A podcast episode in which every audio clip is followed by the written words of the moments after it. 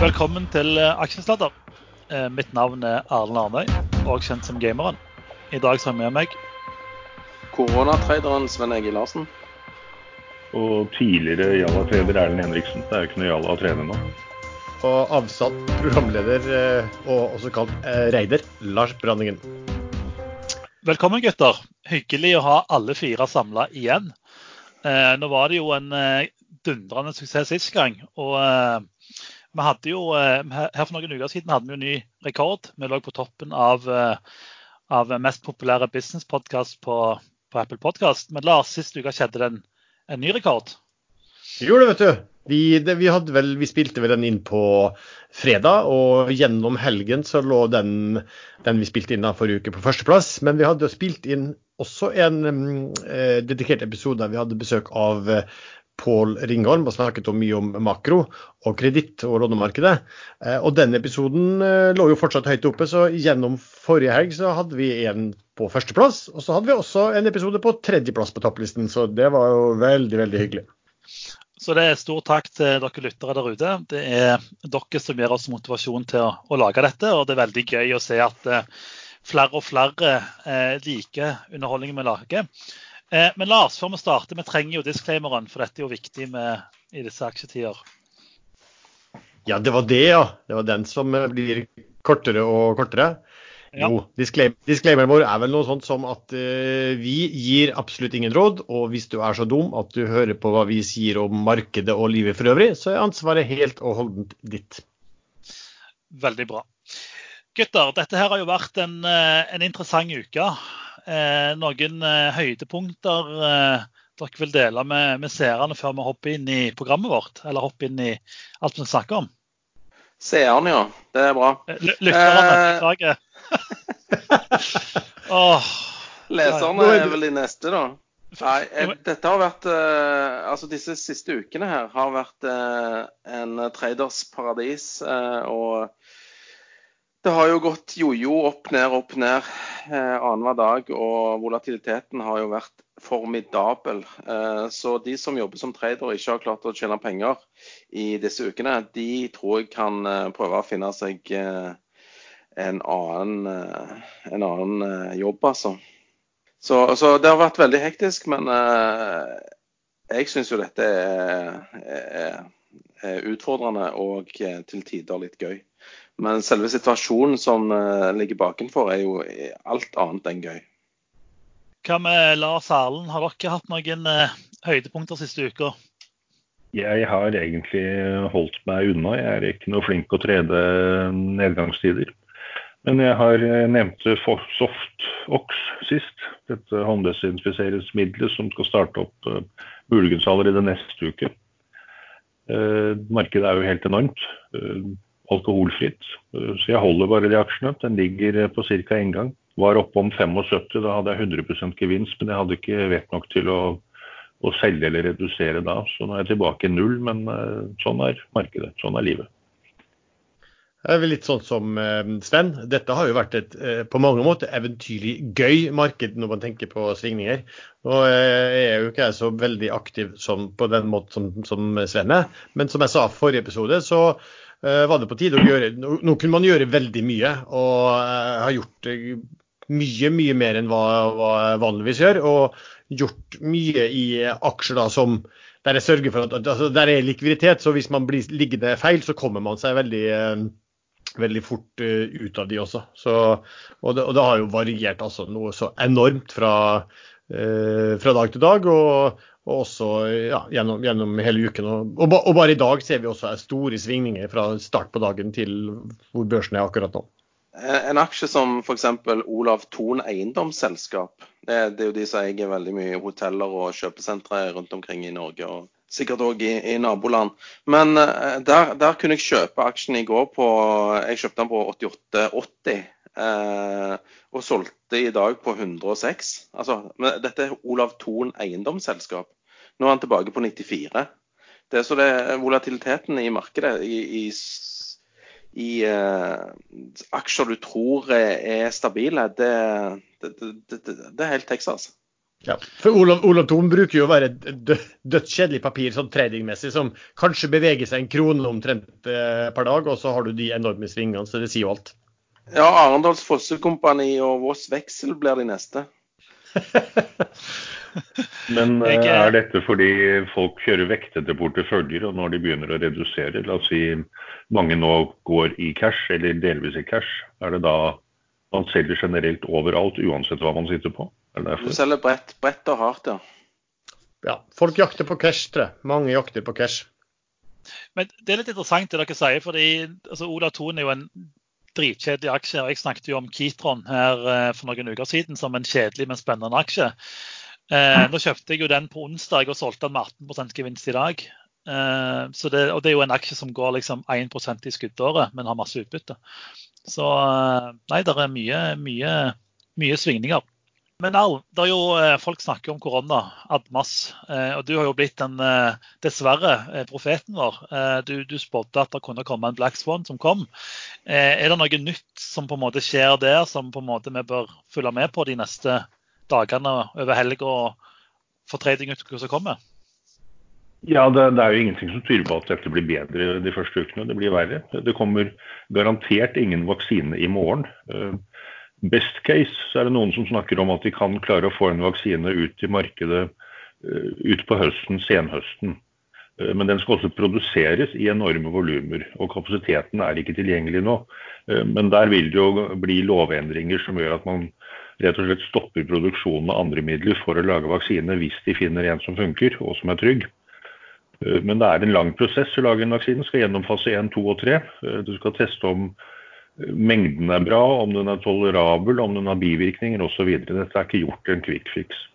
Men det er et par andre medisiner, sånn eh, antivirale medisiner, som kan komme før, men selv ikke de, selv ikke de som ligger lengst framme der, kommer før tidligst etter sommeren.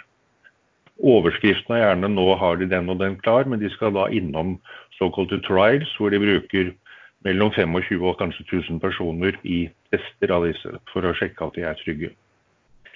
Så det er ikke noe quick fix. Dette blir verre. Eh, utviklingen er eksponentiell i hele Vesten nå. Uh, antall syke, antall døde i, i, Vesten overgikk da uh, tallene i Kina. Hele totalt antallet i Kina, kun i Italia, uh, oversteg det i går. Så dette blir verre, og arbeidsløshetstall kommer til å stige enormt. USA meldte nå at de regner med 2,25 millioner arbeidsløse på neste, neste oppdatering. Så ringvirkningene her kommer til å bli helt enorme. Og, og nå, nå, står jo USA for døren. Uh, jeg har sett en modell uh, som er blitt lagt på New York, altså staten uh, New York. der er det oppe i ca. 5000 aktive cases nå. Denne modellen sier at det kommer til å være litt over 100 000 5. april. 5. april, ja. California gikk ut og sa at i løpet av åtte uker så kommer bare California til å ha 25 millioner bekreftet syke. Men når de bruker den, den altså California har vel, Alle har vel begynt med litt sånn, hva, skal hete, hva, hva kaller det, det sosiale, at man har en lang avstand til hverandre. Og, og i Norge og andre land så, så, begynner jo folk frivillig på en måte å leve i nesten i sånn karantenelignende forhold. Så de modellene tar, hensyntar de at nå veldig veldig mye blir sperret ned. altså Sånn som California, som nå tydeligvis går for en norsk modell, egentlig. Det er et godt poeng, Lars. fordi eh, jeg reagerer faktisk positivt på at Vesten har vært villig til å stenge ned så mye som de gjør. Det hadde jeg aldri mm. trodd. Men spørsmålet er da hvor fort altså hvis du begynner å se på bare sånn, sånn, sånn som ikke har særlig peiling på, på, på, på, en virus, men det vil jo være sånn at hvis du blir smitta, uh, så hvor lenge er du smitte, altså hvor lenge kan du smitte andre og, og, og litt sånt. Og, og, klart at hvis det bare blir, blir familien du forholder deg til, da, så kan jo det her kanskje bremses opp ganske raskt, eller er liksom helt på, på tur der. Og så er jo et annet spørsmål er jo hvor lenge kan man holde samfunnet Eh, lukket på den måten. For at En ting er jo dette med, med, med viruset, men det vi snakker om på børs her, er jo det, altså arbeidsløsheten som bare stiger noe enormt. Og, og, for ikke å snakke om BNP som faller noe vanvittig også. Jeg vet ikke om de, hvor, hvor, mange, hvor mye det var nede i Kina de antok i, i Q-en, men det var, det var, det var 20 fall i BNP. Det var helt, helt, helt enormt. Nei, det var minus 40 Det var minus 40% i Kina, og så var det minus 20% i USA i, eh, i Q1.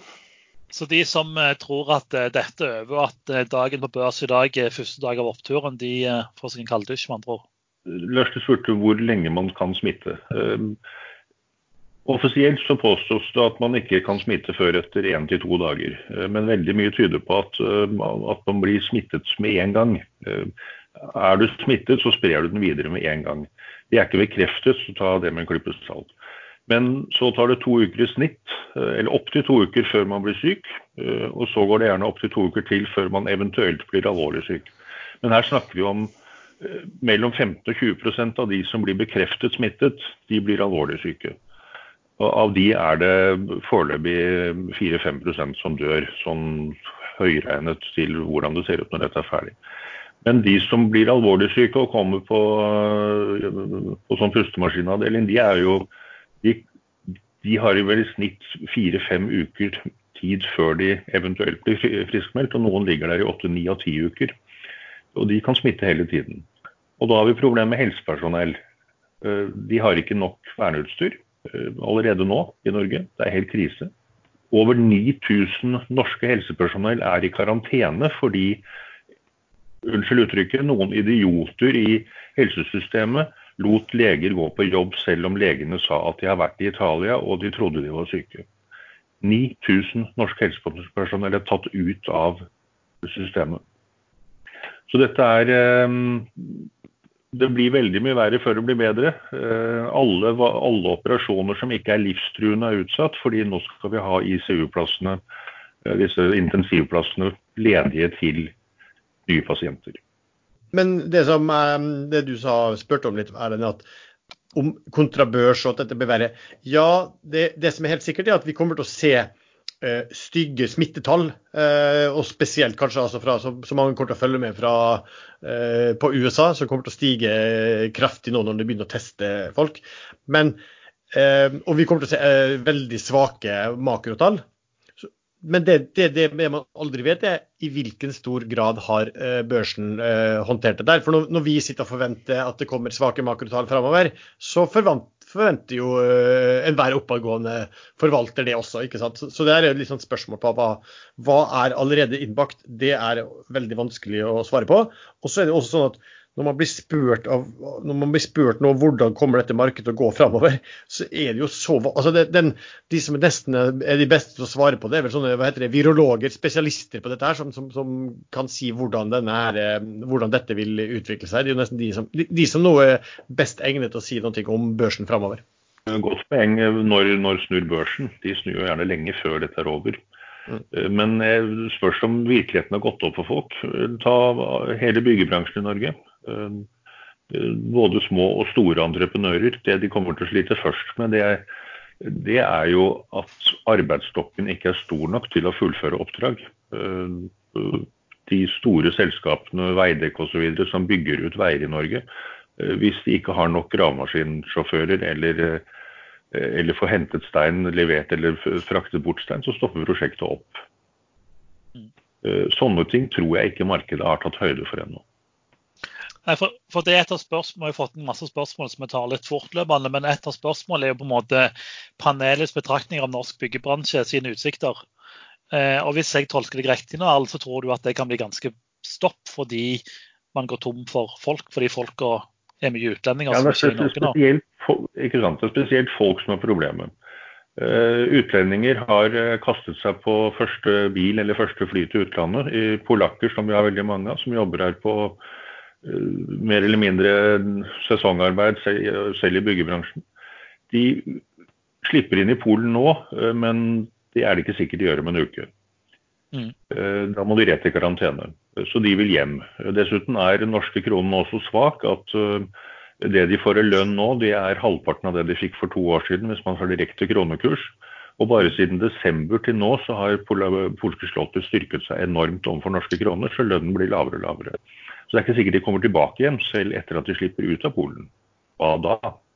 Men jeg tror vel at jeg tror nok at folk har tatt inn over seg at dette her kan bli eh, virkelig ille. Men, men, men, det er liksom et, det er et tall og et liksom omfang som for alle oss er, er litt vanskelig å forholde seg til. Altså, det er på mange måter helt umulig Jeg, jeg ser ingen analytikere heller som, som nå klarer å komme opp med noen sånn fornuftige estimater på selskapene, hvordan de vil gjøre det i Q1 og Q2 og kanskje Q3. ikke sant? For de, de, har liksom ingen eh, formening lenger om, om, om, hva det her vil innebære for det enkelte selskap. Nå, nå har vi jo sett da de siste dagene, nå begynner jo veldig mange selskaper så kommer de med en sånn update om, om koronaviruset. Og så skriver de litt av, om kanskje at ja, det kan bli litt vanskeligere, og, men mer om hva de gjør internt for å ja, sørge for sine ansatte og alt det der.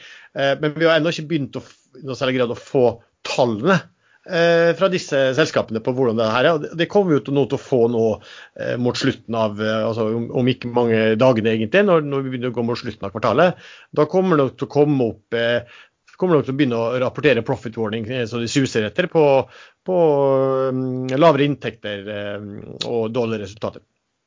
Men, men, dette er jo noe vi har sagt om tidligere. Vi har jo sagt at veldig mye bedrifter kommer til å skylde alt de kan, alt de kan på, på korona. Uh, uansett om det er korona som er, som er skyldig eller ikke. Men det er jo helt tydelig at det er veldig store konsekvenser for økonomien. Altså Det er bare å se på permitteringstallene som kom nå i går eller i dag. Uh, jeg tror aldri vi har permittert så mye mennesker i Norge ever på så kort tid. Uh, og at det nok er vanskelig å analysere framtida. Ref-analytikerne tror jeg er helt tydelig, for ingen vet helt hvordan dette vil slå ut. Et annet stort spørsmål i disse dager, bare for å snu til noe litt hyggelig, for nå er det jo vi må ha litt hyggelige ting. Det er jo hjemmekontor. Hele Norge sitter på hjemmekontor. Eh, I min bedrift så har de sendt hjem 2000 eh, mann, 3000 mann. Og på internettet har vi en egen sånn tråd hvor folk poster bilder og filmer av på en måte ulike ting som skjer i, når du har hjemmekontor. Type unger som sitter med sånne elektroniske keyboard i bakgrunnen når du har hjemmekontor, og sjefer som sitter i shorts og skjorte og, og sånne ting. Eh, jeg hørte faktisk Den beste historien var en, eh, en, leder, ikke i min bedrift, men en annen bedrift, som måtte evakuere til walk-in-closetet, for det var eneste rolige plass man hadde i huset. Men eh, Lars og Sven, dere har jo hatt hjemmekontor i, i mange mange, mange år. Er det noen tips på måte, hvordan, hvordan overlever man hjemmekontoret? Fordi hele Norge sitter jo nå liksom tenker de vil dø eh, fordi hjemmekontoret er litt grusomt. Eh, eh hva, hva survival-tipset deres? Hva gjør man for å ikke bli gal? Uh, du handler aksjer. altså, du må ha noe å gjøre på. Og jeg, jeg, fortsetter jo bare med jobben som jeg har gjort nå i, i, i 20 år uansett. Så uh, for meg så er jo selve jobbsituasjonen ingen endring fra tidligere. Men uh, det gode rådet er at du må ha noe å ta deg til, for ellers tror jeg du Eh, vil gå på veggene. Altså, du, du er jo eh, fortsatt på jobb, regner jeg med, når du har hjemmekontor. Så du får bare sitte og være fokusert på det du, det du driver på med. Ellers er det jo forstyrrende faktorer. da. Det er jo både permitterte koner og eh, permitterte barn liksom, som springer rundt her og har mye mer energi enn de pleier å ha. Så eh, jeg, jeg, har ikke noe godt råd bortsett fra stay focused. Ja, jeg er enig. Det, det, blir litt av det samme. Altså for, for, vår del, Sven, så er det jo litt altså, det, det, er jo litt sånn, Vi har nesten sittet og ventet på et sånt marked som det her i, i mange år. som er, altså, Det er så utfordrende. Det, det ser så mye meldinger, det, det, er så mye å forholde seg til. Det er så store svingninger at, at det å holde seg hva skal si, fokusert og følge med og alt der, det, for å si sånn, Hvis du kjeder deg i det markedet her, da, ja, da, da, da har du mer enn lett, lett, for å kjede deg, for å si det mildt. Eh, så, så, så, Sånn sett er det ikke noe problem. sånn sett at fordi at Det er jo ikke bare når børsen er åpen, men det skjer jo masse utover kvelden fra USA. og Det kommer altså eh, pressekonferanser og det kommer ditt og datt. Så, så vi klar, klarer oss eh, fint sånn. Eh, men klart hvis det hadde vært en veldig kjedelig børs, så hadde det jo vært litt, eh, eh litt annerledes. Altså, som Sven sier, da, så har man jo da hele familien sin eh, har jo hele familien sin hjemme. Så det gjelder jo liksom å tilpasse seg på en sånn måte at man klarer å jobbe hva skal vi si, effektivt og fokusert, men, men det, liksom, det, blir jo en sånn subjektiv måte hvordan man selv arbeider på. Skrekkscenarioet er at de stenger børsen. Men vi som har drevet med, med trading parallelt med andre investeringer lenge, vi er nok mer heldig stilt enn de som har investert. Eh, gått long i aksjer, eh, i fond, ikke tenkt noe særlig på dette. Har lært eh, Tommelfingerregelen er jo at man skal sitte gjennom nedturene også, på børs og i fond. Fordi eh, på lang sikt så vil det hele tiden gå opp. Eh, men her har eh, dette går fort ned. Og hvis det går veldig mye lenger ned nå, særlig de som da har kjøpt og giret enda mer på dippene, som de kaller det, Dippene er disse små fiskekrokene som kommer på bortimot loddrette fall. De er vipet ut, de er borte.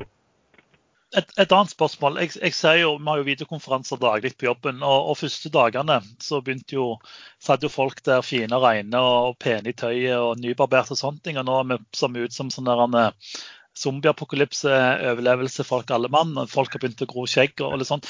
Når, når, du har bare hjemmekontor, har du en sånn rutine når du står opp at du hiver på deg eh, traderuniformen, eller gjør du som Erlend eh, og bare trader i nettoen?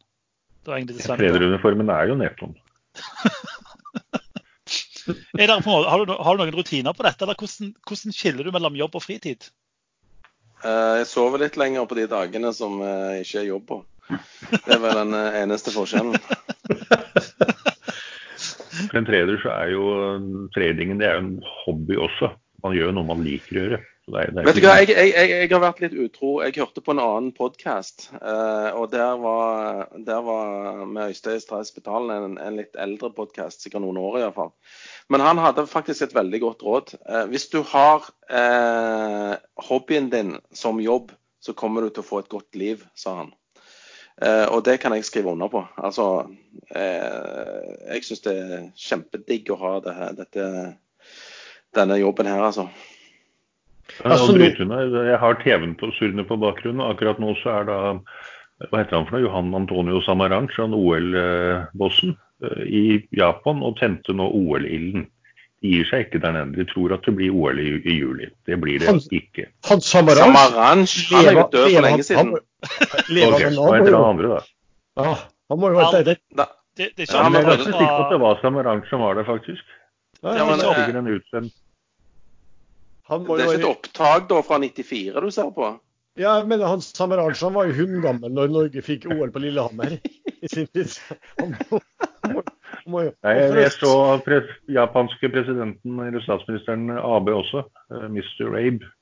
Okay. Så det var helt, helt fersk oppe. Jeg er ganske sikker på det, Samaranch. Så OL-ilden ble tent, for nå skal de mm, dra i gang, fortsette med OL. Ja. Det er sikkert noen som kommer og blåser den ut om et kvarter. Så det går fint, det. Da, da, da, har, vi, da har vi lagt egget. Blåse ut OL-ilden.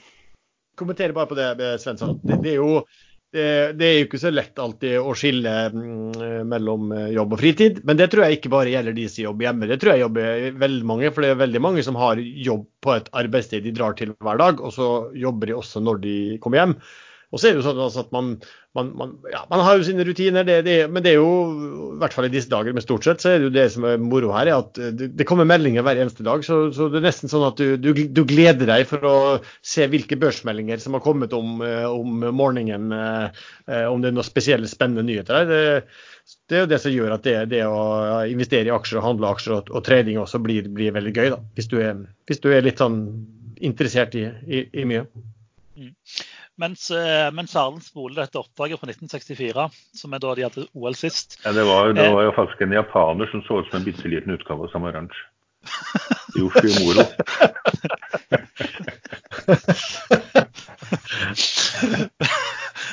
I dag, eh, rett før lunsj, så kom det nyhet fra Sverige at Seb Landebo og Spiltan de stenger masse fond for uttak.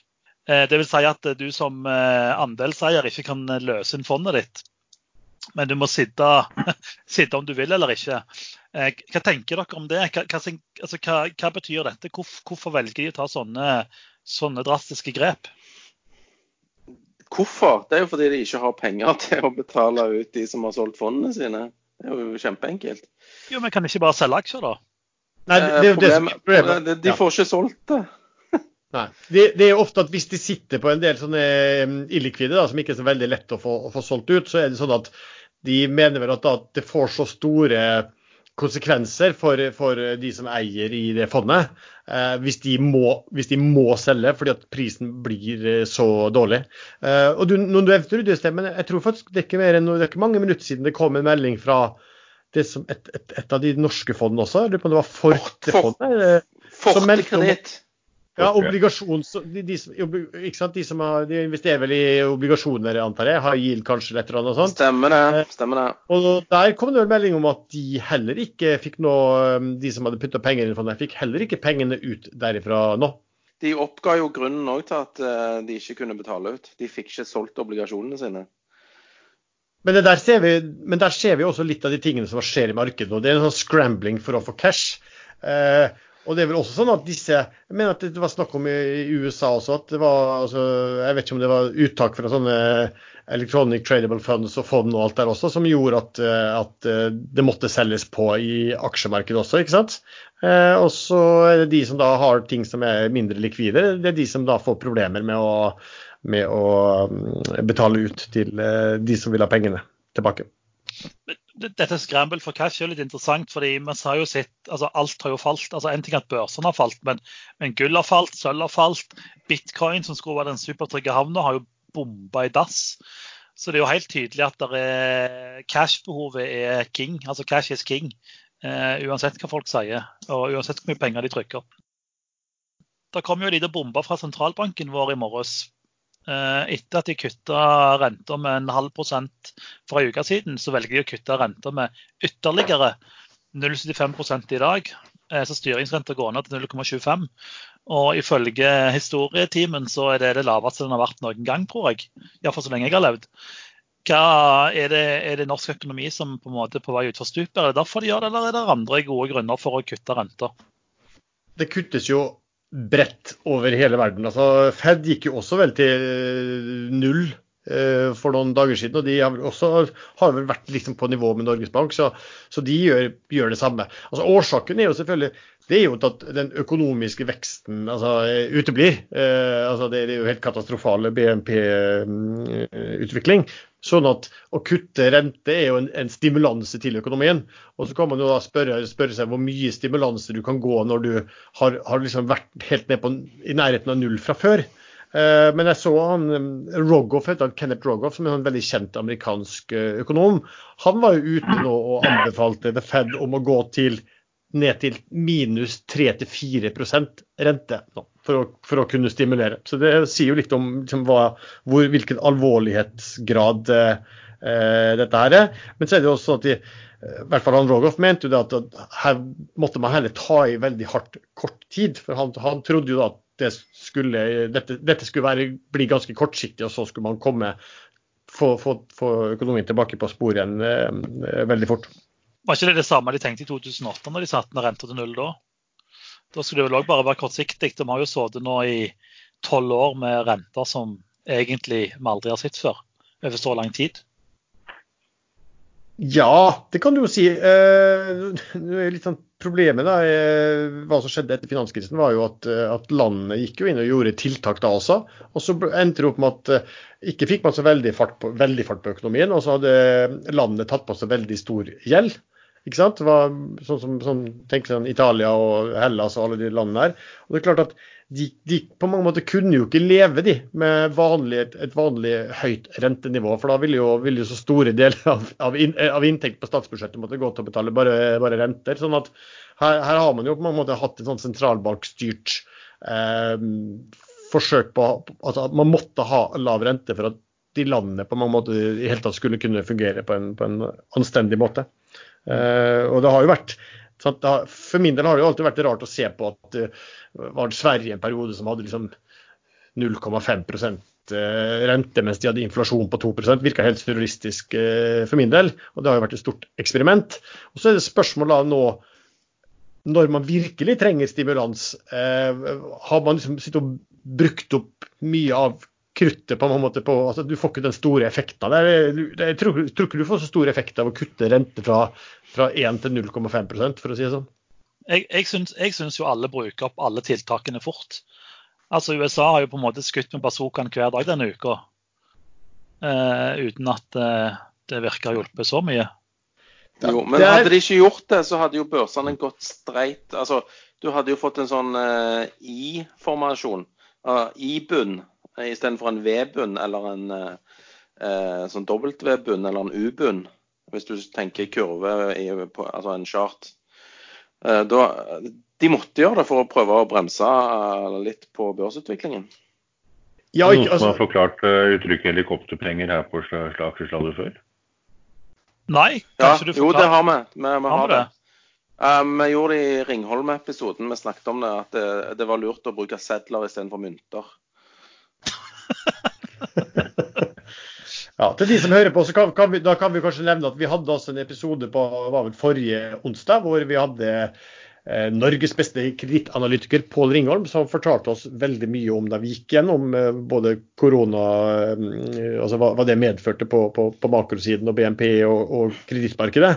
Eh, så det er, en, eh, det er en episode vi kan anbefale alle å høre på. Jeg hadde veldig stor glede av å høre hva han sa selv. Norske valutaen har jo på en måte falt relativt mye. Vil ikke den falle mer nå som vi har satt ned rente ytterligere? Jeg tror ikke det betyr så mye, for alle, alle har nullrente eller negativ rente. Som har bare liksom spolt oss fram til der som de er. Eh, ja. Men det som er problemet, vi er jo bakgården i verden, liksom. Akkurat nå så gikk OBX-en på Oslo Børs i minus etter å ha starta dagen på 5, pluss 5 og nå er den i minus. Ja, men hva er det de holder på med i Tyskland? Dagsen liksom, den vil ikke ned. Han eh, har ligget mellom 3,5 og 4% opp nå i to-tre timer. Og, og, USA stiger faktisk litt igjen. Men vi var på krona. Ja, Du tror ikke den vil falle ytterligere fordi alle andre er så langt nede? Var det det vi jo, sa? Nei, rentene snakket vi om. Jeg tror krona kommer til å svekke seg mot dollar og disse andre eh, store valutaene som euro. Eh, holdt på å si bitcoin, men eh, det er jo ikke en, en stor valuta. Fordi at det virker som det er en slags dollarmangel i verden. Folk scrambler for å få tak i dollars. Jeg vet ikke helt hvorfor. Men jeg tror det har veldig mye med funding og at eh, folk trenger likvider. Mm. Det ble satt men, men, opp egne swaps uh, fra Fed i går, bl.a. til Norge, Sverige, Danmark, Brasil, uh, Mexico. Mange land som trenger dollar.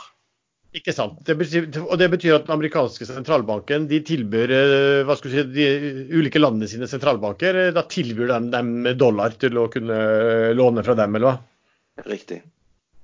Bare kommentere det du sa, Sven, om, om de stimulansene som skjer. For det er jo en ting å rente seg alle de stimulansene og de pakkene og helikopterpenger og hele biten. Jeg, er også enig i at de, det, er liksom litt vanskelig å si timingen på det, men de måtte gjøre noe. Det vi ikke har sett, altså vi sitter bare og ser på OK, har, får dere effekter på børsen? Uh, men det vi ikke helt vet ennå, er jo liksom hvilke, og som på litt sikt er det viktige, hvilke effekter får det på den virkelige økonomien? Uh, på det virkelige forbruket til folk, på den virkelige sysselsettingen, på, på hvordan bedriftene vil fungere. Og, og, også, ikke minst da, hvor fort man kan komme i gang igjen. Hører, hører dere noe nå? Hører dere noe ja. nå? Ja. Det er et helikopter ut forbi her nå. Jøss. Yes. du penger? Det, ja, men det er det du har sagt, Sven, at vi blir avlyttet. Og nå har du sittet og, og beklaget oss så mye, så nå kommer det med helikopterpengene. Ha. Mynt, jeg, må jeg, må stikke, jeg, da, gutta. myntene, faktisk. Helikoptermynter. Eh, mye av grunnen til at kronen faller, det er jo også fordi olje, oljeprisen har gått rett i dass. Og utlendingene har ikke noe tillit til at norsk økonomi utenom olje, oljeinntekter er veldig sterk, vil jeg tro. Er det ja, det er det jo flere som har vært ute i media og snakket om. Eh, et, et, en annen utfordring som jeg har sett denne uka, det er jo når krona nå dundrer i dass. Eh, så det er jo veldig mye aksjer som er billige i, i USA og Sverige. Jeg kan jo i hovedsak i de markedene.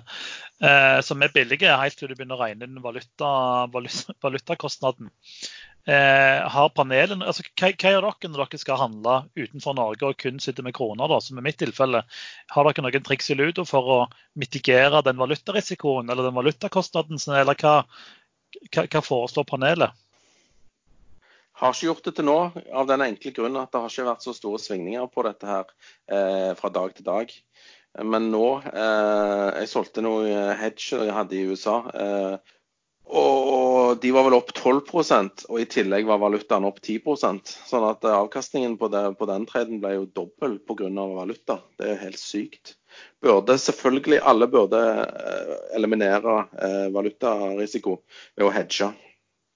Men det er lettere sagt enn gjort. Ja. Men det er, Ja, og det er som du sier, Sven, også, at, i hvert fall hvis man har litt korte posisjoner nå, så, så, har det jo vært rimelig stabilt før. og Nå plutselig fikk vi jo sånne enorme svingninger. Jeg vet ikke om det hvor mye altså svekka han 10-15% norske kroner mot, mot dollaren på, på, på, et par dager, liksom. Ja, han gikk fra 10 til 12 er 20 ja. Ja, ikke sant? det er helt ellevilt. Og så har den vel kommet litt eh, tilbake igjen i går og i dag. når Norges Bank gikk vel ut og, og sa at de, eh, de vurderte da å støttekjøpe kroner i, eh, i markedet også. Eh, så det var, og det var eh, det så var at de, de, de, som i hvert fall kan det markedet, sa at det var liksom mye tynnere likviditet enn vanlig. sånn at hvis noen absolutt ville liksom ja, ta en ut av en posisjon, så, så, så fikk det følger også akkurat de dagene. Det nok var nettopp 10,85, nå er den 11,35. Sånn at det er 50 øre det på to timer. Mm. Ja, helt, Så den rentenedsettelsen ble spist opp med en gang? Ja, men det var ikke pga. det. Eh, Krona styrka seg faktisk litt etter den rentesenkningen, men nå har han svekka seg kraftig. Det jeg mente, at det, ble, det hjalp i ti minutter. Ja. Men Lars Arlen, handler dere mye i utlandet? Gjør dere triks for å på en måte mitigere valutarisikoen, eller hva, hva gjør dere? Nei, jeg handler ikke i utlandet. Jeg eh, kan ikke sitte og trede 24 timer i døgnet. Nei. Jeg prøvde litt i USA en periode, og det gikk for så greit, det, men det, det, blir for mye. Jeg gidder ikke. Ja. Jeg gjør veldig sjelden noe eh, i utlandet, og, og, i så fall så har jeg ikke gjort noe, noe spesielt på, på, valutasiden, bortsett fra at man klart man har det i hodet. og kan, Man kan jo ha, ha obligasjoner og sånn, f.eks. i i, dollar og, og, euro og sånn, men uh, ja. ja. Jeg, kjenner på meg nå jeg skulle hatt en uh, US dollar-hedge.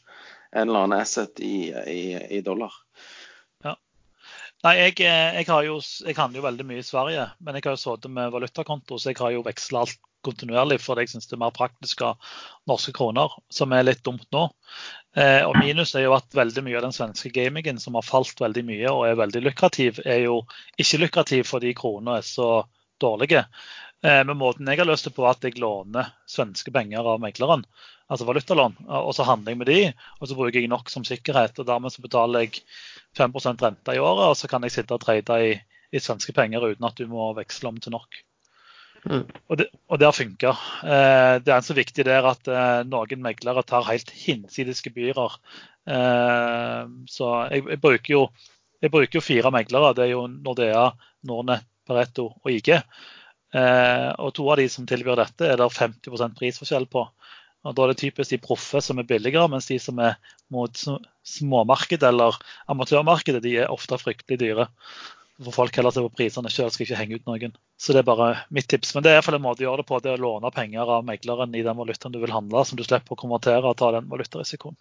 Men kan du nevne altså uken som har gått nå, i hvert fall inntil i dag, så har jo så har jo Oslo Børs outperforma dagsnivå også amerikanske markeder. Altså, Oslo Børs har jo gjort det fantastisk bra, egentlig. For Før i dag så hadde den regulert en 11-12 eh, denne uken, eller i hvert fall fra bunnen da, på mandag. Jeg tror Differansen i forhold til Dags er jo da det, er vel en indeks på en, del av de største tyske eh, selskapene. Eh, jeg tror forskjellen på den før i dag var 8-9 eller eller noe sånt. 8-9 eh, og, og, og, mye av det kan vel da eh, forklares av, eh, av valutaen også. ikke sant? At, ja, at plutselig blir norske aksjer ganske billigere når, når valutakursen har, har svekket seg såpass. Det var, jo en del som diskuterte dette på ekstrainvestor, hvor på en måte typisk tyskerne handler jo Nell til 30% rabatt pga. valuta. Så det er nok eh, definitivt en ting oppi dette. Lars. Eh, det var jo, Sist uke så snakket vi jo en del om bær- og bull-produkter, og vi snakket litt om Marketmaker som plutselig eh, tok helg når jeg skulle selge. Eh, denne uka så kom det jo en nyhet om at eh, Oslo Børs tillater at marketmakeren forsvinner helt. Så jeg lurer på om vi skulle snakke litt om det, Sven, for du er jo god på dette. Hvis, hvis jeg har forstått det riktig, så betyr det at marketmakeren ikke trenger å være til stede i det hele tatt. Han trenger han kan, altså, han trenger ikke bare ta tidlig helg, men han kan bare være totalt vekke fra markedet. Er det det den meldingen som kom betyr? Det betyr det, men kun i de eh, tilfellene der børsen eh, karakteriserer det som et stressa marked. Altså De kan ikke bare gjøre det i et vanlig marked. Børsen må si fra nå har vi stressa markedsconditions, og da, da har marketmaker lov å, å stikke av. Altså, så vi er ikke stressa marked hele tida? Jeg trodde hver dag var stressa marked. Ja, hvis du syns det er stressende for et par uker siden, så, så må du finne på noe annet, altså. Nei, da var det ikke særlig stressende. Nei, jeg tenker nå liksom, altså denne uka her f.eks. Det var stressende hver, hver dag. Og ja. børsen sender børsmelding på morgenen om det er stressa, stressende dag eller ikke. Så de, de gir oss beskjed. Ok, så de, så de, dagene det kommer melding om stressa marked, da bør man styre unna alle produkter som krever marketmaker? Er det det som er på en måte lærdommen? Nei, men du må ta høyde for at uh, marketmakeren kan forsvinne, og du vil sitte med et produkt du ikke får solgt eller kjøpt. Ja. Så du må vite om risikoen du tar ved å handle i det produktet. Men kan man risikere å bli knocka for det, altså knockout? Si at du kjøper oh, yes. bær ti ganger, og så faller børsen 5 eh, så du har 50 gevinst. Og så stikker marketmaker, og så får du ikke solgt produktet ditt. Og så dundrer børsen opp 10% og så blir du knocka. Stemmer det. Det kan skje. Så styr, styr unna. Eh, hvis du aldri har handla sånne produkter før, så er ikke dette markedet å begynne å handle de. Norwegian, det kom jo en redningspakke i går. Skal vi snakke litt om den? Hva, hva jeg, tenker jeg, jeg, Vi må forte oss, for nå er kursen snart under ti kroner. uh, jeg jeg shorta sjøl eh, Norwegian både i går og i dag. Og uh, jeg var fysisk sliten av å sitte og følge med på den aksjen. For det, den handles i et vanvittig høyt tempo i forhold til det som jeg er vant med. Uh, sånn at Men så dekket jeg inn 80% av shorten i går ettermiddag. Fordi jeg regnet med at de kom til å få den uh, lånegarantien. Og da, de som handler denne her aksjen for øyeblikket, Nordnett, Saxo Bank og Avanza, de har ikke peiling på eh, balanser og inntjeninger og giring og alt dette her. De vet du. De bare ser at det kommer nyhet, Norwegian er redda.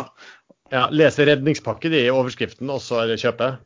Ja, ikke det at de må faktisk få tak i en ca. 3 milliarder kroner for å kunne få ut det lånet på 3 milliarder kroner. Uh, og det må de jo tilbakebetale om tre måneder, så det høres jo helt gale ut. Uh, men uansett, jeg fikk shorta den i åpningen da, på rundt det var 14 han åpna på da han endelig åpna. Han ble først pausa da, fordi at børsen skjønte tydeligvis ikke at, eh, hvorfor aksjen ble indikert opp. og så pausa de. Han sendte melding om at de undersøkte kurs, altså verdisettelsen. Og så åpna de den igjen, og så åpna det enda litt mer opp. Så det var jo jækla bra. Ja, den var oppe på Var han oppe på, var han oppe på 15 kroner? Ja, ja han var 1470, ser jeg. 1470 ja. var den på i dag, og nå er den på ja, 10-16 akkurat nå. Den pakken til Norwegian, de får jo ut noe penger, eh, et par hundre millioner. Så må de gå til en bank og låne penger. Og så må de overtale obligasjonseierne om å gjøre noe nedskrivningsgreier eller endre vilkårene for å få mer penger. Og så blir de styrke egenkapitalen, altså kjøre en emisjon på slutten. Hvis jeg, har, hvis, hvis jeg har skjønt pakken riktig? Jeg, jeg, har, jeg, har, skjønt pakken, eller skjønt okay. tegningen. Uh, de får uh, opptil 3 milliarder i en lånegaranti. De må skaffe 10 eh, sjøl via en eh, kommersiell utlåner. Forutsetningen for at de får hele pakken, det er at de må ha 8% egenkapitalgrad. Per 31.12.2019 så var egenkapitalen på 4,8% De har en underdekning på ca. 2,8 milliarder kroner. Det er to måter de kan eh, få, få til 8 Det er nummer én en emisjon. De må hente penger for å få egenkapitalen eh, over 8 eh, Alternativ to få obligasjonseierne i de tre eh, obligasjonene til å konvertere de til aksjer. Dvs. Si at da forsvinner der 4,5 milliard i gjeld, og egenkapitalen økes med 4,5 milliard. Da er du innenfor dette her. Så de kan i teorien klare seg uten å hente penger. Jeg tror dog at eh, obligasjonseierne ikke er villige til å konvertere 100% av disse her. De er sikret, eh, disse obligasjonene. De ble endret for eh, ca. et halvt år siden til å inkludere en sikkerhet i form av landingslotter på, på Gatwick de, verdien på den sikkerheten tror jeg er forringa noe så inn i helsiken de siste ukene at de har neppe særlig stor verdi. En annen måte å, å fikse dette på er jo at det, de, de, skal ha en prosentandel eh, altså eh, egenkapital. En annen måte å gjøre det på er jo å få slanka balansen sin, ikke sant. Ja, da må de eh, selge da, noe. Da må, du, da må, de selge noe, og hva, hva de eventuelt har å selge, det er jeg usikker på. Og så vet jeg, mener å minnes at det har vært tilfeller hvor eh, hvis obligasjonslånet faller mye i, i, verdi, på en måte, eh, så har jeg sett liksom, selskap hvor, hvor, de plutselig har ført da, lånebeløpet som lav, at, at det føres som lavere. Men, men jeg tviler på at det er noe som kan hjelpe noe spesielt her. Så, men om de, om de, har noen ting som de kan selge, og som de kan da slanke balansen med, det, det, jeg, kjenner, jeg, kjenner, litt etter Norwegian her. Jeg vet ikke om de ja, Mye de kan selge, men, eh, men det, det, er ingen som vil kjøpe. Alle fly er jo belånt, sånn at de må, og du får jo bare den forskjellen på eh, salgssum og eh, belåning per fly eh, tilbake. Men du slanker jo eh, gjelden jo. på den måten. Du slanker balansen. Det, det, det, det er samme som, disse, ja, samme som disse supply-selskapene holder på med med å selge båter. De, de, de får ned gjelden eh, litt, litt etter litt, men det hjelper aldri. Uh, og, og, og, som Jeg har jo sagt at Norwegian er supply på vinger, og det ser ut som jeg fikk rett i det. Jeg, eh, jeg Men det, det ingen av dere nevner, det er uh, Boeing. Det er to ting med Boeing. For det første har de mange flybestilling hos Boeing. Uh, og de er vel nå ca. på den datoen hvor de kan kansellere bestillingen og har krav på å få tilbake forskudd. Og det mener jeg har lest at det er over en milliard. Uh, det andre er erstatning fra Boeing, som burde ligge rundt 3 milliarder hvis man skal se på hva de andre flyselskapene har fått. Men Boeing er kjeks. Trump har sagt at de skal redde Boeing, og da blir det sannsynligvis en General, General Motors-løsning hvor all eh, dagens egenkapital nulles, og det går, kommer inn nye penger, og SAS får ikke en krone fra Boeing. Norwegian. Norwegian, ja, selvfølgelig. Jeg, eh, vi hadde et medlem på Ekstrainvestor som satte dette i perspektiv. og Han skrev følgende for å sette det i perspektiv. Eh, for at Nav skal få tilgang til 3 milliarder fra staten, må de hente inn 2,7 milliarder og dagens børsverdi er rundt 1,9 milliarder. Men hva hvis Norwegian da prøver seg på den finurlige bokføringsmåten at de plutselig inntektsfører erstatningen fra Boeing. Plutselig så har du gjort en deal med Boeing som sier at de skal få så og så mye, men, men, de får ikke pengene før om eh, tolv uh, måneder. Likevel så kunne, da kunne du jo faktisk inntektsført det, altså hatt, fått det som en fordring på balansen, uh, og økt egenkapitalen sin. Altså, så, så, Se ikke bort fra at det er et eller annet som, som de kan gjøre her på, på det området. Nei, de, de, kunne jo gjort det politisk. sant? Altså, I og med at staten går an å redde, redde NAS, så kunne jo på en måte de engasjert politikerne mot USA, som på en måte skal redde Boeing. sånn at vi får pengene den veien. Men eh, hadde dere kjøpt Norwegian på dagens kurs? Sven, du har jo shorta den. Så du har eh, allerede sagt jeg har, kjøpt, jeg har kjøpt den mange ganger. Jeg kjøpte til og med litt på 12. Men det var fordi jeg hadde shorta den på 14. Ja. hadde dere gått long, hadde, hadde, noen kjøpt Norwegian og sittet på den den neste måneden? Se der, ja. Der var vi litt mer spesifikke i spørsmålet. Eh, eh, nei, jeg hadde ikke gått long Norwegian på 10 kroner. Nei. Erlend? Hvis vi, hvis vi, kjører den helt ut, eh, de får ingenting av Boeing. De får ikke en forskudd, og de får ikke noe erstatning. Eh, og obligasjonseierne må trå til å konvertere alt eller mesteparten. Hva er de da villige til å konvertere på? Pålydende er ti øre. Kanskje det blir der. Ja, jeg ville heller ikke eie det. Norwegian er en opsjon, og veldig vanskelig å vite hva den opsjonen bør være, bør være priset til. Jeg hadde nok heller ikke kjøpt NAS på denne. Jeg er glad at NAS finnes som selskap, fordi jeg husker når SAS var enerådende i Norge. Men uh, aksjer hadde jeg styrt langt unna. Softox-melding, Softox-melding, Ellen. Oi sann, Softox-melding. Ja. Starter produksjonen nå? De har starta testproduksjonen. De ah, første leveransene kan finne sted i løpet av to uker. Kort ah, tid står det. Kursen nå går den opp. 40 kroner nå. 50? Den gikk, 60? 70, den gikk til 75 for, for forrige melding om at de, at vi lå godt an. Men den har, jeg ikke tenkt, den, har ikke, den har jeg ikke tenkt å selge, den skal jeg sitte på en stund. For det markedet er jo helt ekstremt. De, de, har jo vært så heldige med timingen. De kjørte en emisjon i desember, hentet inn 75 millioner kroner og påstår at de er fullfinansierte. Resten skal tas fra salg.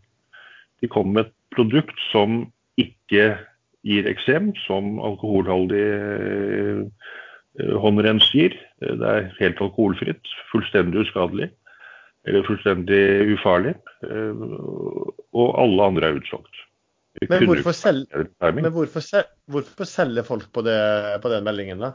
Sånn bare, det var jo de som, de som gikk inn i emisjonen på 24 kroner, de har jo de har ganske pen gevinst oppgitt til 40 kroner. Og det ligger vel, det ligger vel en del skjult sak allerede som ikke har klart å slette postene sine. Det er ikke sikkert interessert heller. De, de tar gevinsten og tar cashen og sitter i dagens marked med cash.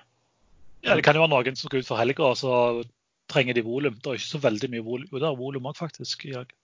Nei, for jeg ser at den, den, den, var jo faktisk oppe på 75 kroner den i, i, midten av forrige uke. Men deretter så har den falt 1, 2, 3, 4, 5 Ja, hvis den faller i dag, så er det sjette dagen på rad den faller i så fall. Den flat i dag. Den fem dager rad har falt. På, den var på 36, 37, 38 i dagene før eh, med den forrige meldingen kom, og da gikk den til 75. Og så falt den ja. mye lenger tilbake nedadrentene. Den stiger nå, ser jeg. Ja. ja, veldig bra. Eh, vi snakket om Norwegian. Eh, andre aksjer som har fått grisebank, er jo eh, cruisenæringen.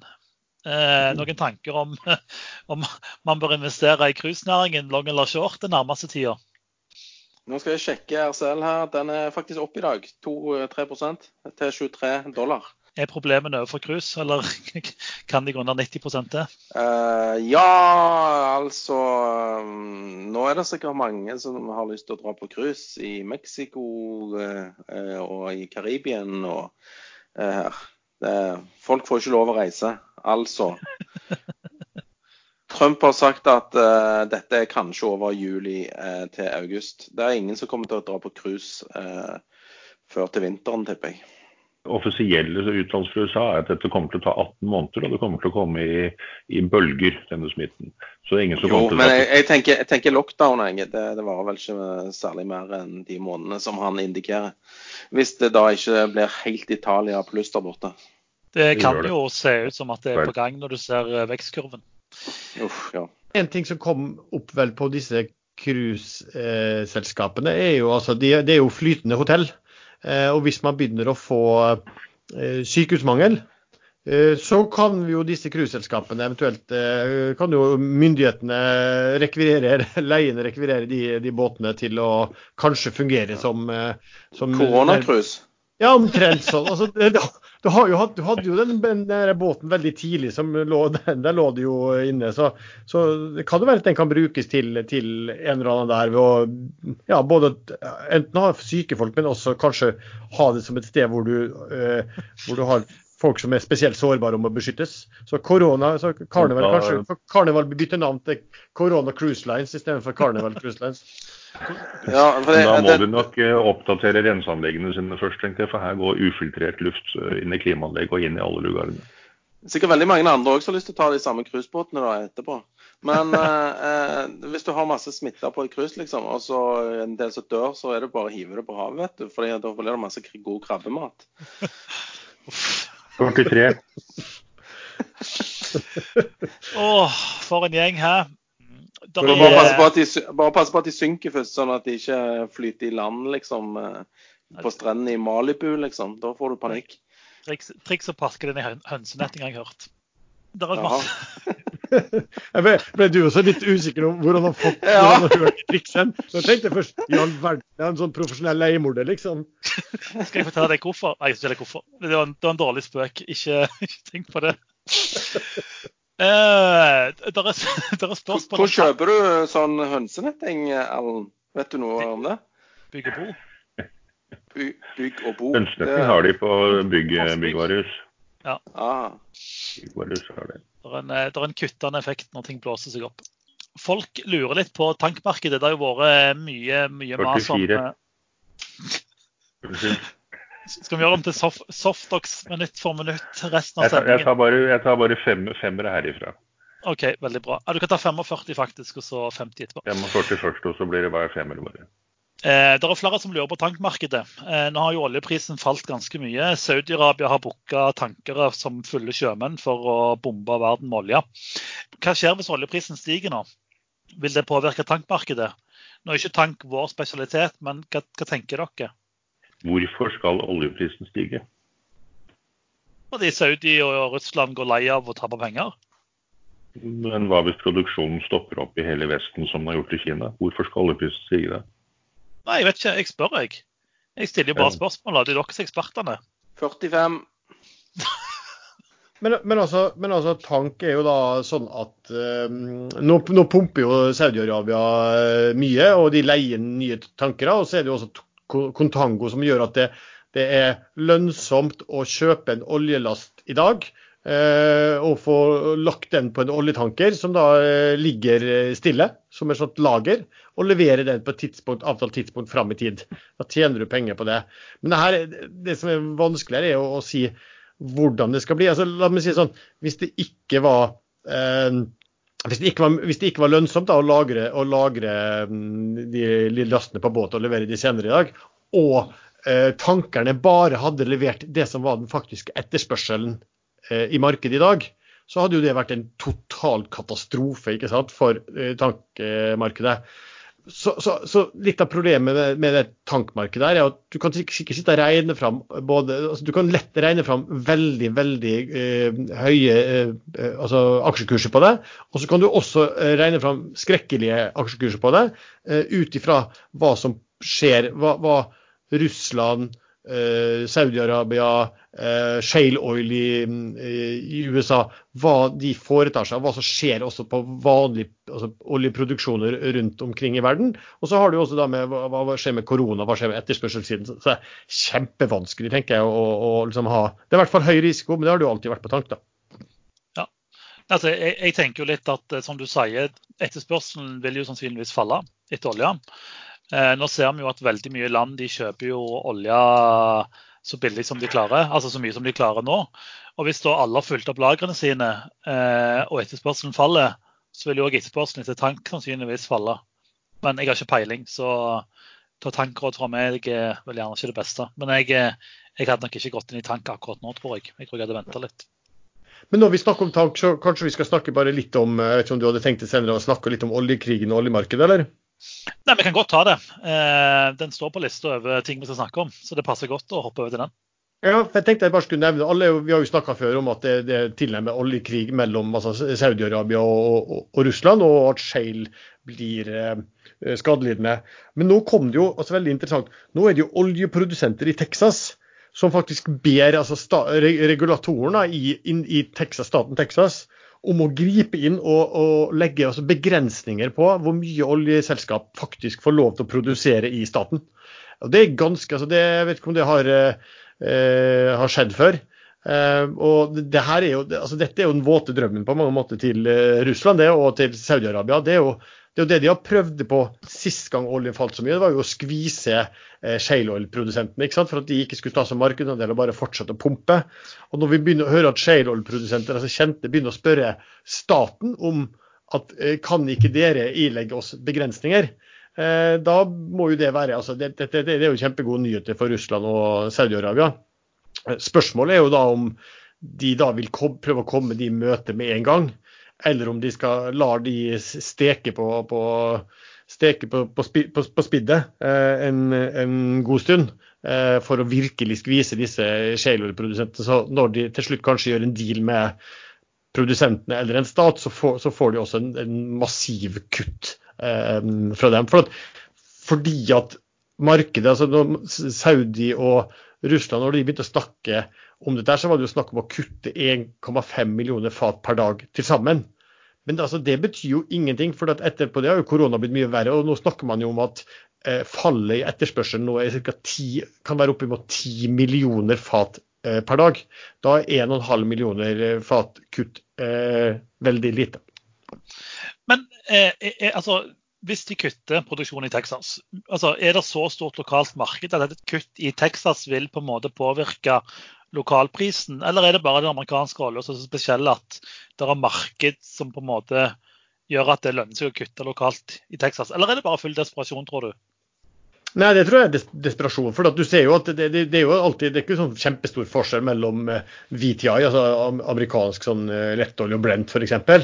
Eh, og sånn at, sånn at hva uh, Saudi og Russland gjør når de pumper, altså, så, vil, så, påvirker det dem så veldig. Så, så, her er det bare en desperasjon at de, de får liksom 25 dollar fatet sitt er helt horribelt for de, Og de er, de er allerede skvisa ved at ved at de, de, er upopulære og de er belånte og alt det der. Så, så, så jeg tror liksom det, dette er måten på en måte å, å, nærmest prøve å putte Texas da, i denne sammenheng inn i en slags OPEC pluss-favn. Ja. Jeg ser forresten at eh, V10-en er 12,5 i dag. Nei, men det var jo, nå skal bare nevne, så var det vel tidenes største prosentoppgang i om det var brent eller VTI eller var begge, i går. Ja, altså, i morges var V10-en dyrere enn Brenten, og det har jeg aldri sett før. Men jeg følger ikke olje. Egentlig bare har den i dashbordet mitt på, på Infront. Um, så nei, det var det som var normalen før. Ja, at den var I gamle dager var V10 dyrere enn det. Nei, som sagt, jeg er ingen oljeanalytiker, så jeg følger den ikke. Jeg bare syns det er interessant nå. Ja, men for alle som følger med i, alle som følger med i hva skal vi si, norsk, norske aksjemarked generelt, og hva som vil skje eh, framover, så, jo, så, jo, så har du korona i den ene biten, og så har fått, Norge har fått sånn double whammy på børsen her ved at, ved at det har blitt en oljepriskrig. Eh, og det må man liksom følge med på. Det kom jo sånn som Goldman Sachs kom med spådommer om brent ned, på, ned til mot 20 dollar i løpet av eh, Q2. Og Rysta kom jo også med noen, noen ganske grusomme eh, antakelser både på, både på sånn kortsiktig oljepris og hvordan de slo for, for, oljeservice. Og så må man si bare om Rysta hva de også sa. De sa at dette her kom til å medføre at det investeres så lite i ny produksjon at de begynte å snakke om 100 dollar fatet i 2022-2023. Eh, uh, og for å si sånn, hvis, hvis han Rysta sjøl tror på det, Eh, da bør han jo absolutt på dagens nivå kjøpe sånn som Aker BP og Equinor og, og, og eller ethvert oljeselskap da, med bra produksjon som, som, de er helt sikre på eh, klarer seg greit i, i de neste to år uansett. Bare en, eh, en, digresjon og litt selvskryt. Eh, sist episode snakket vi om Saudi-Arabia, jeg nevnte økonomisk atombombe. Eh, det er en artikkel på E24 hvor de intervjuer Rystad, hvor de bruker ordet atombombe, så de må ha hørt på, på. det er teorien. Alle hører på aksjesladder. Ja, det er viktig. Um, skal vi snakke litt om enkeltaksjer, uh, siden vi nærmer oss litt over en time etter Lars har klippa. Uh, skal vi snakke litt om Fotokur. Der har det jo skjedd ganske mye spennende denne uka. Du har jo vært ute litt på Ekstrainvestor og pratet om den, Lars. Vil du si noe om den? Ja, eh, det er vel ikke så mye sånn i selve firmaet. Det har vel kommet en liten update på koronaviruset med at det ikke påvirker dem hittil så veldig mye. Men det, det kan selvfølgelig gjøre det når, når, helseressursene blir styrt et annet sted. Men det har vel vært mer på altså Det som har skjedd der, er jo på aksjonærskitsen. Hvor han, eh, Hansson-familien med High Seas har jo vært den største aksjonæren der. Og de plutselig begynte å selge ut i høyt tempo. Og de som da har kommet inn, er jo da Øystein Spetalen, eh, som i hvert fall nå på tirsdag hadde kjøpt såpass at han var blitt største aksjonær i selskapet, uten at det sier seg veldig mye, for det er ikke noen sånn veldig store der. Og så hadde han fått følge av Arne Fredelighet å kjøpe, eh, men Fredelig så ut som han hadde faktisk solgt ned på tirsdag. Så han hadde kanskje bare gått inn og tatt en trade og går ut igjen eh, når, eh, når, kursen begynner å gå opp. Og det, bare så det sagt, det har jo også mm, Spetalen, det er jo ikke mange ukene siden han var inne på, på andre siden av nyttår og, og eide ganske en god del av, eh, av Fotokur. Og så solgte han ut når, når kursen ja, var vel, da var kursen på 70-80 kroner eller noe sånt, når, når den begynte å falle ned. da. Så jeg tror ikke akkurat det, det de som kommer inn her, er de som sånn, har, har, veldig langsiktige Eh, planer. Ikke noe som tyder på det ut fra hva de tidligere har gjort, hvert fall. Men det er veldig interessant da å se at som sagt, eh, ser det ut da som han Hansson er tom eh, for aksjer. Han har nok solgt ut. Og da blir det jo litt spørsmål hva, hva skjer med de aksjene som Spetalen og Fredelig og eventuelt andre har, har plukket opp. Ja, det var jo artikkel i Nettavisen hvor de skrøt av hvor mye de hadde tjent på dette salget. Som virka som en noe bestilt artikkel. Men eh, de hadde tjent hele 22 millioner Eh, så får man spørre om det var frivillig eller ufrivillig salg. Jeg håper jo det var ufrivillig. Siden jeg ikke liker folk som beacher, beacher tankere på strender i fattige land. Eh, karma. Eh, Sven Arlen, noen eh, enkeltselskaper dere vil snakke om? Arlen. Ja, NAS har vi jo snakket om, men det er jo ikke en aksje lenger. Det er en opsjon. Ja. Ingenting annet du ser på som på en måte er spennende? Jo, jeg vil kanskje nevne alle disse små oljeselskapene. De har jo blitt desimert i kurs. Par av dem holder seg lett nesten overraskende godt. Eh, det var en som spurte hva jeg mener om Petronor. Eh, jeg mener for så vidt ikke noe negativt om Petronor, men det er veldig veldig langt mellom folk som tør å kjøpe den type små oljeselskap i en sånn krise som vi går inn i nå. Ikke bare fordi oljeprisen er lav, men fordi hele kapitalmarkedet tørker ut. Men akkurat Petronor har vel de pengene de trenger. Ehm, Penn hentet jo inn penger eh, før kursen ble rasert. Men et selskap som Iox f.eks., de trenger penger. De er i Colombia og Argentina, og der begynner smitten å spre seg. Det, det er, det er, jo ingen som vil kjøpe. Man burde rett og slett få de aksjene ut. Gjerne, Hvis noen andre har noen andre oppfatninger om det, så trøst gjerne aksjonærene. Men, men man må innimellom være litt brutal med de som holder og holder og holder. Ja. Ja. Hvis du, hvis du sitter, på, sitter på selskap i dag hvert fall, som, ikke, som, som, som, har kapitalbehov, så er jo ikke akkurat det de greieste å sitte på, for å si, for å si det mildt. Nei. De som har kapitalbåndene, ikke sant. Sven, er det noe du ser på? Vi er vel, vi er vel mest inne i tipsdelen tips, uh, uh, av sendingen, siden du liker å kalle den det. Ja, nei eh, jeg, jeg, jeg trader jo alt mulig. og Akkurat i denne situasjonen så vil jeg fortsatt ikke komme med noen enkelttips. Eh, kjøp, kjøp kvalitet på bånn. Jeg har, jeg har, sett litt på, på, sett litt på, de, på det, de norske sparebankene. Følger de, følger de, veldig godt. Trader de litt av og til. Eh, sammen med Olav Thon, eiendomsspar på OTC, som er Ringnes sitt eiendomsimperium. Oh, det er så mye å ta tak i. Pareto Bank òg kanskje, men de har jo veldig mye næringslivslån til eiendom. Så eiendom kan jo, hvis krisen blir langvarig, bli veldig dårlig, det òg. Eh, NPRO, altså Norwegian Property. Ta de defensive aksjene, fordi at eh, alt blir solgt ned samtidig. Altså, de hiver babyene ut med badevannet. Så ta, fang babyene. Jeg, eh, jeg, har jo sett litt på Kitron denne uka. De hadde jo en eh, markedsdag, eller hva det kalles, som ble sendt på, på Hegnar. Eh, hvor de eh, opplyste hvor lite de var påvirka av korona i forhold til produksjon eller i forhold til tilgang på deler. Eh, vi fikk full splitt på segmenter. Veldig mange var jo litt usikre på hvor mye, hvor mye eksponering har de mot offshore og marine. og Det var kun 6,7% I tillegg så viser det seg at de har veldig voksende segment som går på medical devices. Dvs. Si type sånne pustemaskiner og, og andre ting. Eh, og så handles han jo til en helt latterlig lav kurs. Når han falt litt i dag Jeg eh, solgte meg litt ned for helga fordi eh, jeg er litt bekymra for USA-tall og hvordan det påvirker oss på mandag. Men den ligger på 7-8 kroner nå, og det er ganske lenge siden du fikk den så billig. Eh, og de har jeg fortsatt guida 50 øre i utbytte i år, så hvis man tenker long og en kjedelig, men sikker aksje, så jeg syns Kitron er spennende. Eh, og jeg kommer nok til å trade den litt når jeg syns den var billigere, og når jeg Syns han var dyrere. å Selge den litt. Eh, ellers har jeg fått veldig mye spørsmål rundt gaming de siste ukene. Veldig gøy at folk sender spørsmål.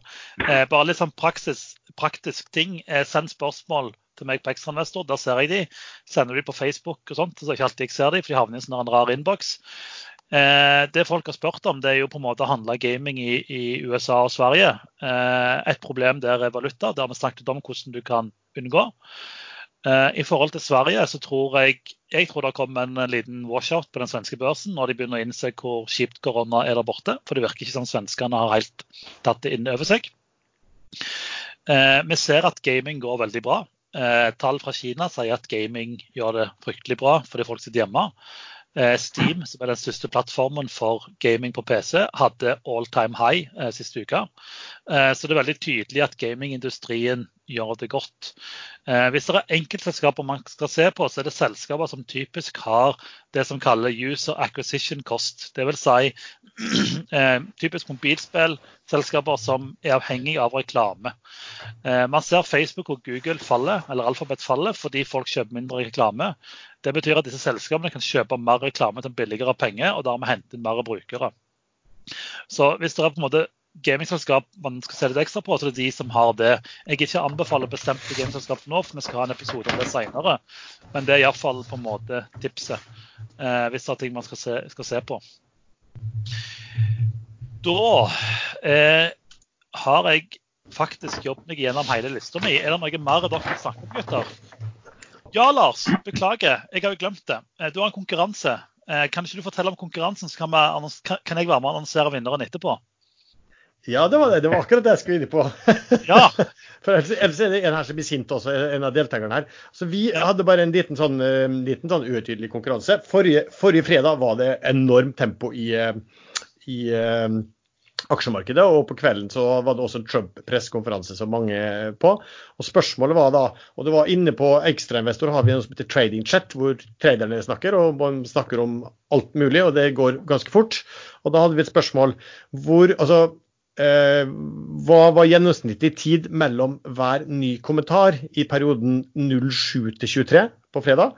Og så var det også et, et, et, Det var ene, og det andre var og hva var gjennomsnittlig tid mellom hver kommentar mellom klokka 20 til 22? Og kommentar var ny kommentar. Hvis du svarte på kommentaren, så var det ikke med i regnestykket i det hele tatt. Uh, har du oversikten over vinnerne da, eh, Erlend, eller skal jeg si dem sjøl? Det er jo to, to stykker som lå veldig tett her. Uh, Lars, kan ikke du bare nevne hvem, hvem de var? Ja, det var eh, Erlend Henriksen. Og så var det som er da eh, Erlend i, i, denne, i, den, den, i denne, sendingen. Og så ja. var det Rune, Rune Vente Larsen uh, var den ja. andre.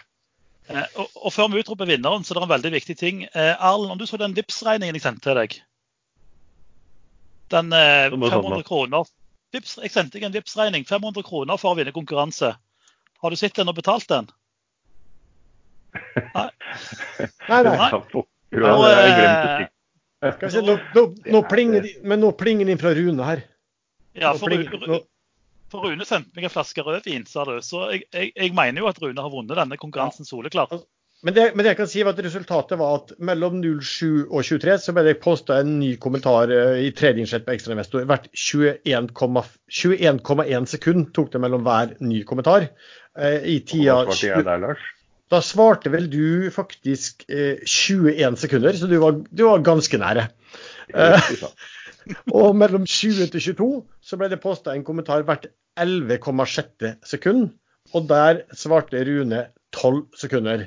Og ut ifra mottatt, eh, mottatt eh, vin og, og, og, og, eh, generelle bestikkelser, eh, Ellen Arne, så fant vi vel ut at vinneren må være Rune, selvsagt. Da blir Rune, Rune vinner. Rune, Rune, la selv inn en X-faktor. Han vektla de forskjellige svarene ulikt, akkurat sånn at uh, han endte opp med å vinne dette her. han gjorde det. Han la, han la, ut en matematisk formel som viste til slutt at han var, han var, han var en klar vinner. Men det hjalp, med vin og bestikkelser på Vips, altså. Det også. Ja, det hjelper mye. Um, Premien for den konkurransen det var jo å bli nevnt på ekstrainvestor. Eh, så jeg, jeg, vant jo sånn Nei, på aksjesladder, mener jeg. Så jeg vant jo sånn sett selv om jeg tapte, for jeg har jo blitt nevnt nå. Ja, ikke sant. Eh, men du må betale pengene til oss likevel da etterpå. Ja. For, nå har vi, for nå har vi nevnt deg, liksom. Ja. Det, det, går dessverre ikke, for det, det, det ante jeg skulle ta opp. Nettrafikken eh, begynner å knele i Europa fordi alle har hjemmekontor. Eh, og da blir det veldig mye høye, større nettrafikk med videokonferanser osv. Så, videre. så Netflix har jo måttet eh, akseptere å redusere trafikken sin med 25% og kutte ut eh, alle uviktige HD-sendinger. Ja, så jeg får, jeg får, nettet er nede, Lars. Beklager. Jeg får ikke, Lars Erlend, jeg får ikke senterbestikkelser nå. Jeg, ingenting.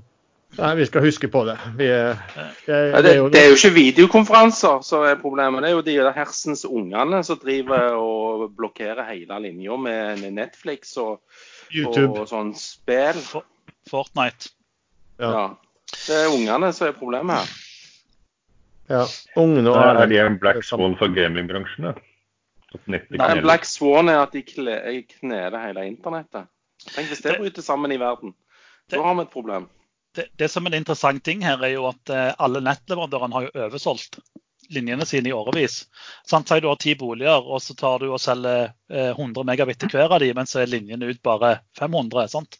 Man har jo oversolgt nett i mange, mange, mange år, og det har gått helt fint. Helt til alle sitter hjemme og ser YouTube, spiller Fortnite, eh, sånn Netflix, og så innser man at det er et problem. Sant? Det, Men det Sven sa der, det, det er jo faktisk et reelt problem. Det kan jo skje, det. Nettet kneler. Ja, det kan skje i en del land. Det skjer nok ikke på Vestlandet, her i Stavanger.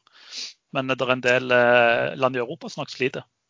Du, Erlend, jeg tenkte også jeg skulle bare nevne en eh, fordi at Mange som spør jo hvor tror man børsen går og videre. Altså, jeg så bare på i dag at hovedindeksen på, i Oslo den er vel ned sånn ca. Ja, jeg tror den er ned sånn ca. 27 27-28 eh, fra, eh, fra toppen. Den var ned 38-39% Og så hadde vi da en, vi har en, vi har en gruppe på Facebook som heter Børsforum. Eh, og der spurte vi folk hvor mye de trodde hovedindeksen ville falle. Eh, det var vel et sted ja, godt over 500 som svarte på den meningsmålingen. Bare litt interessant.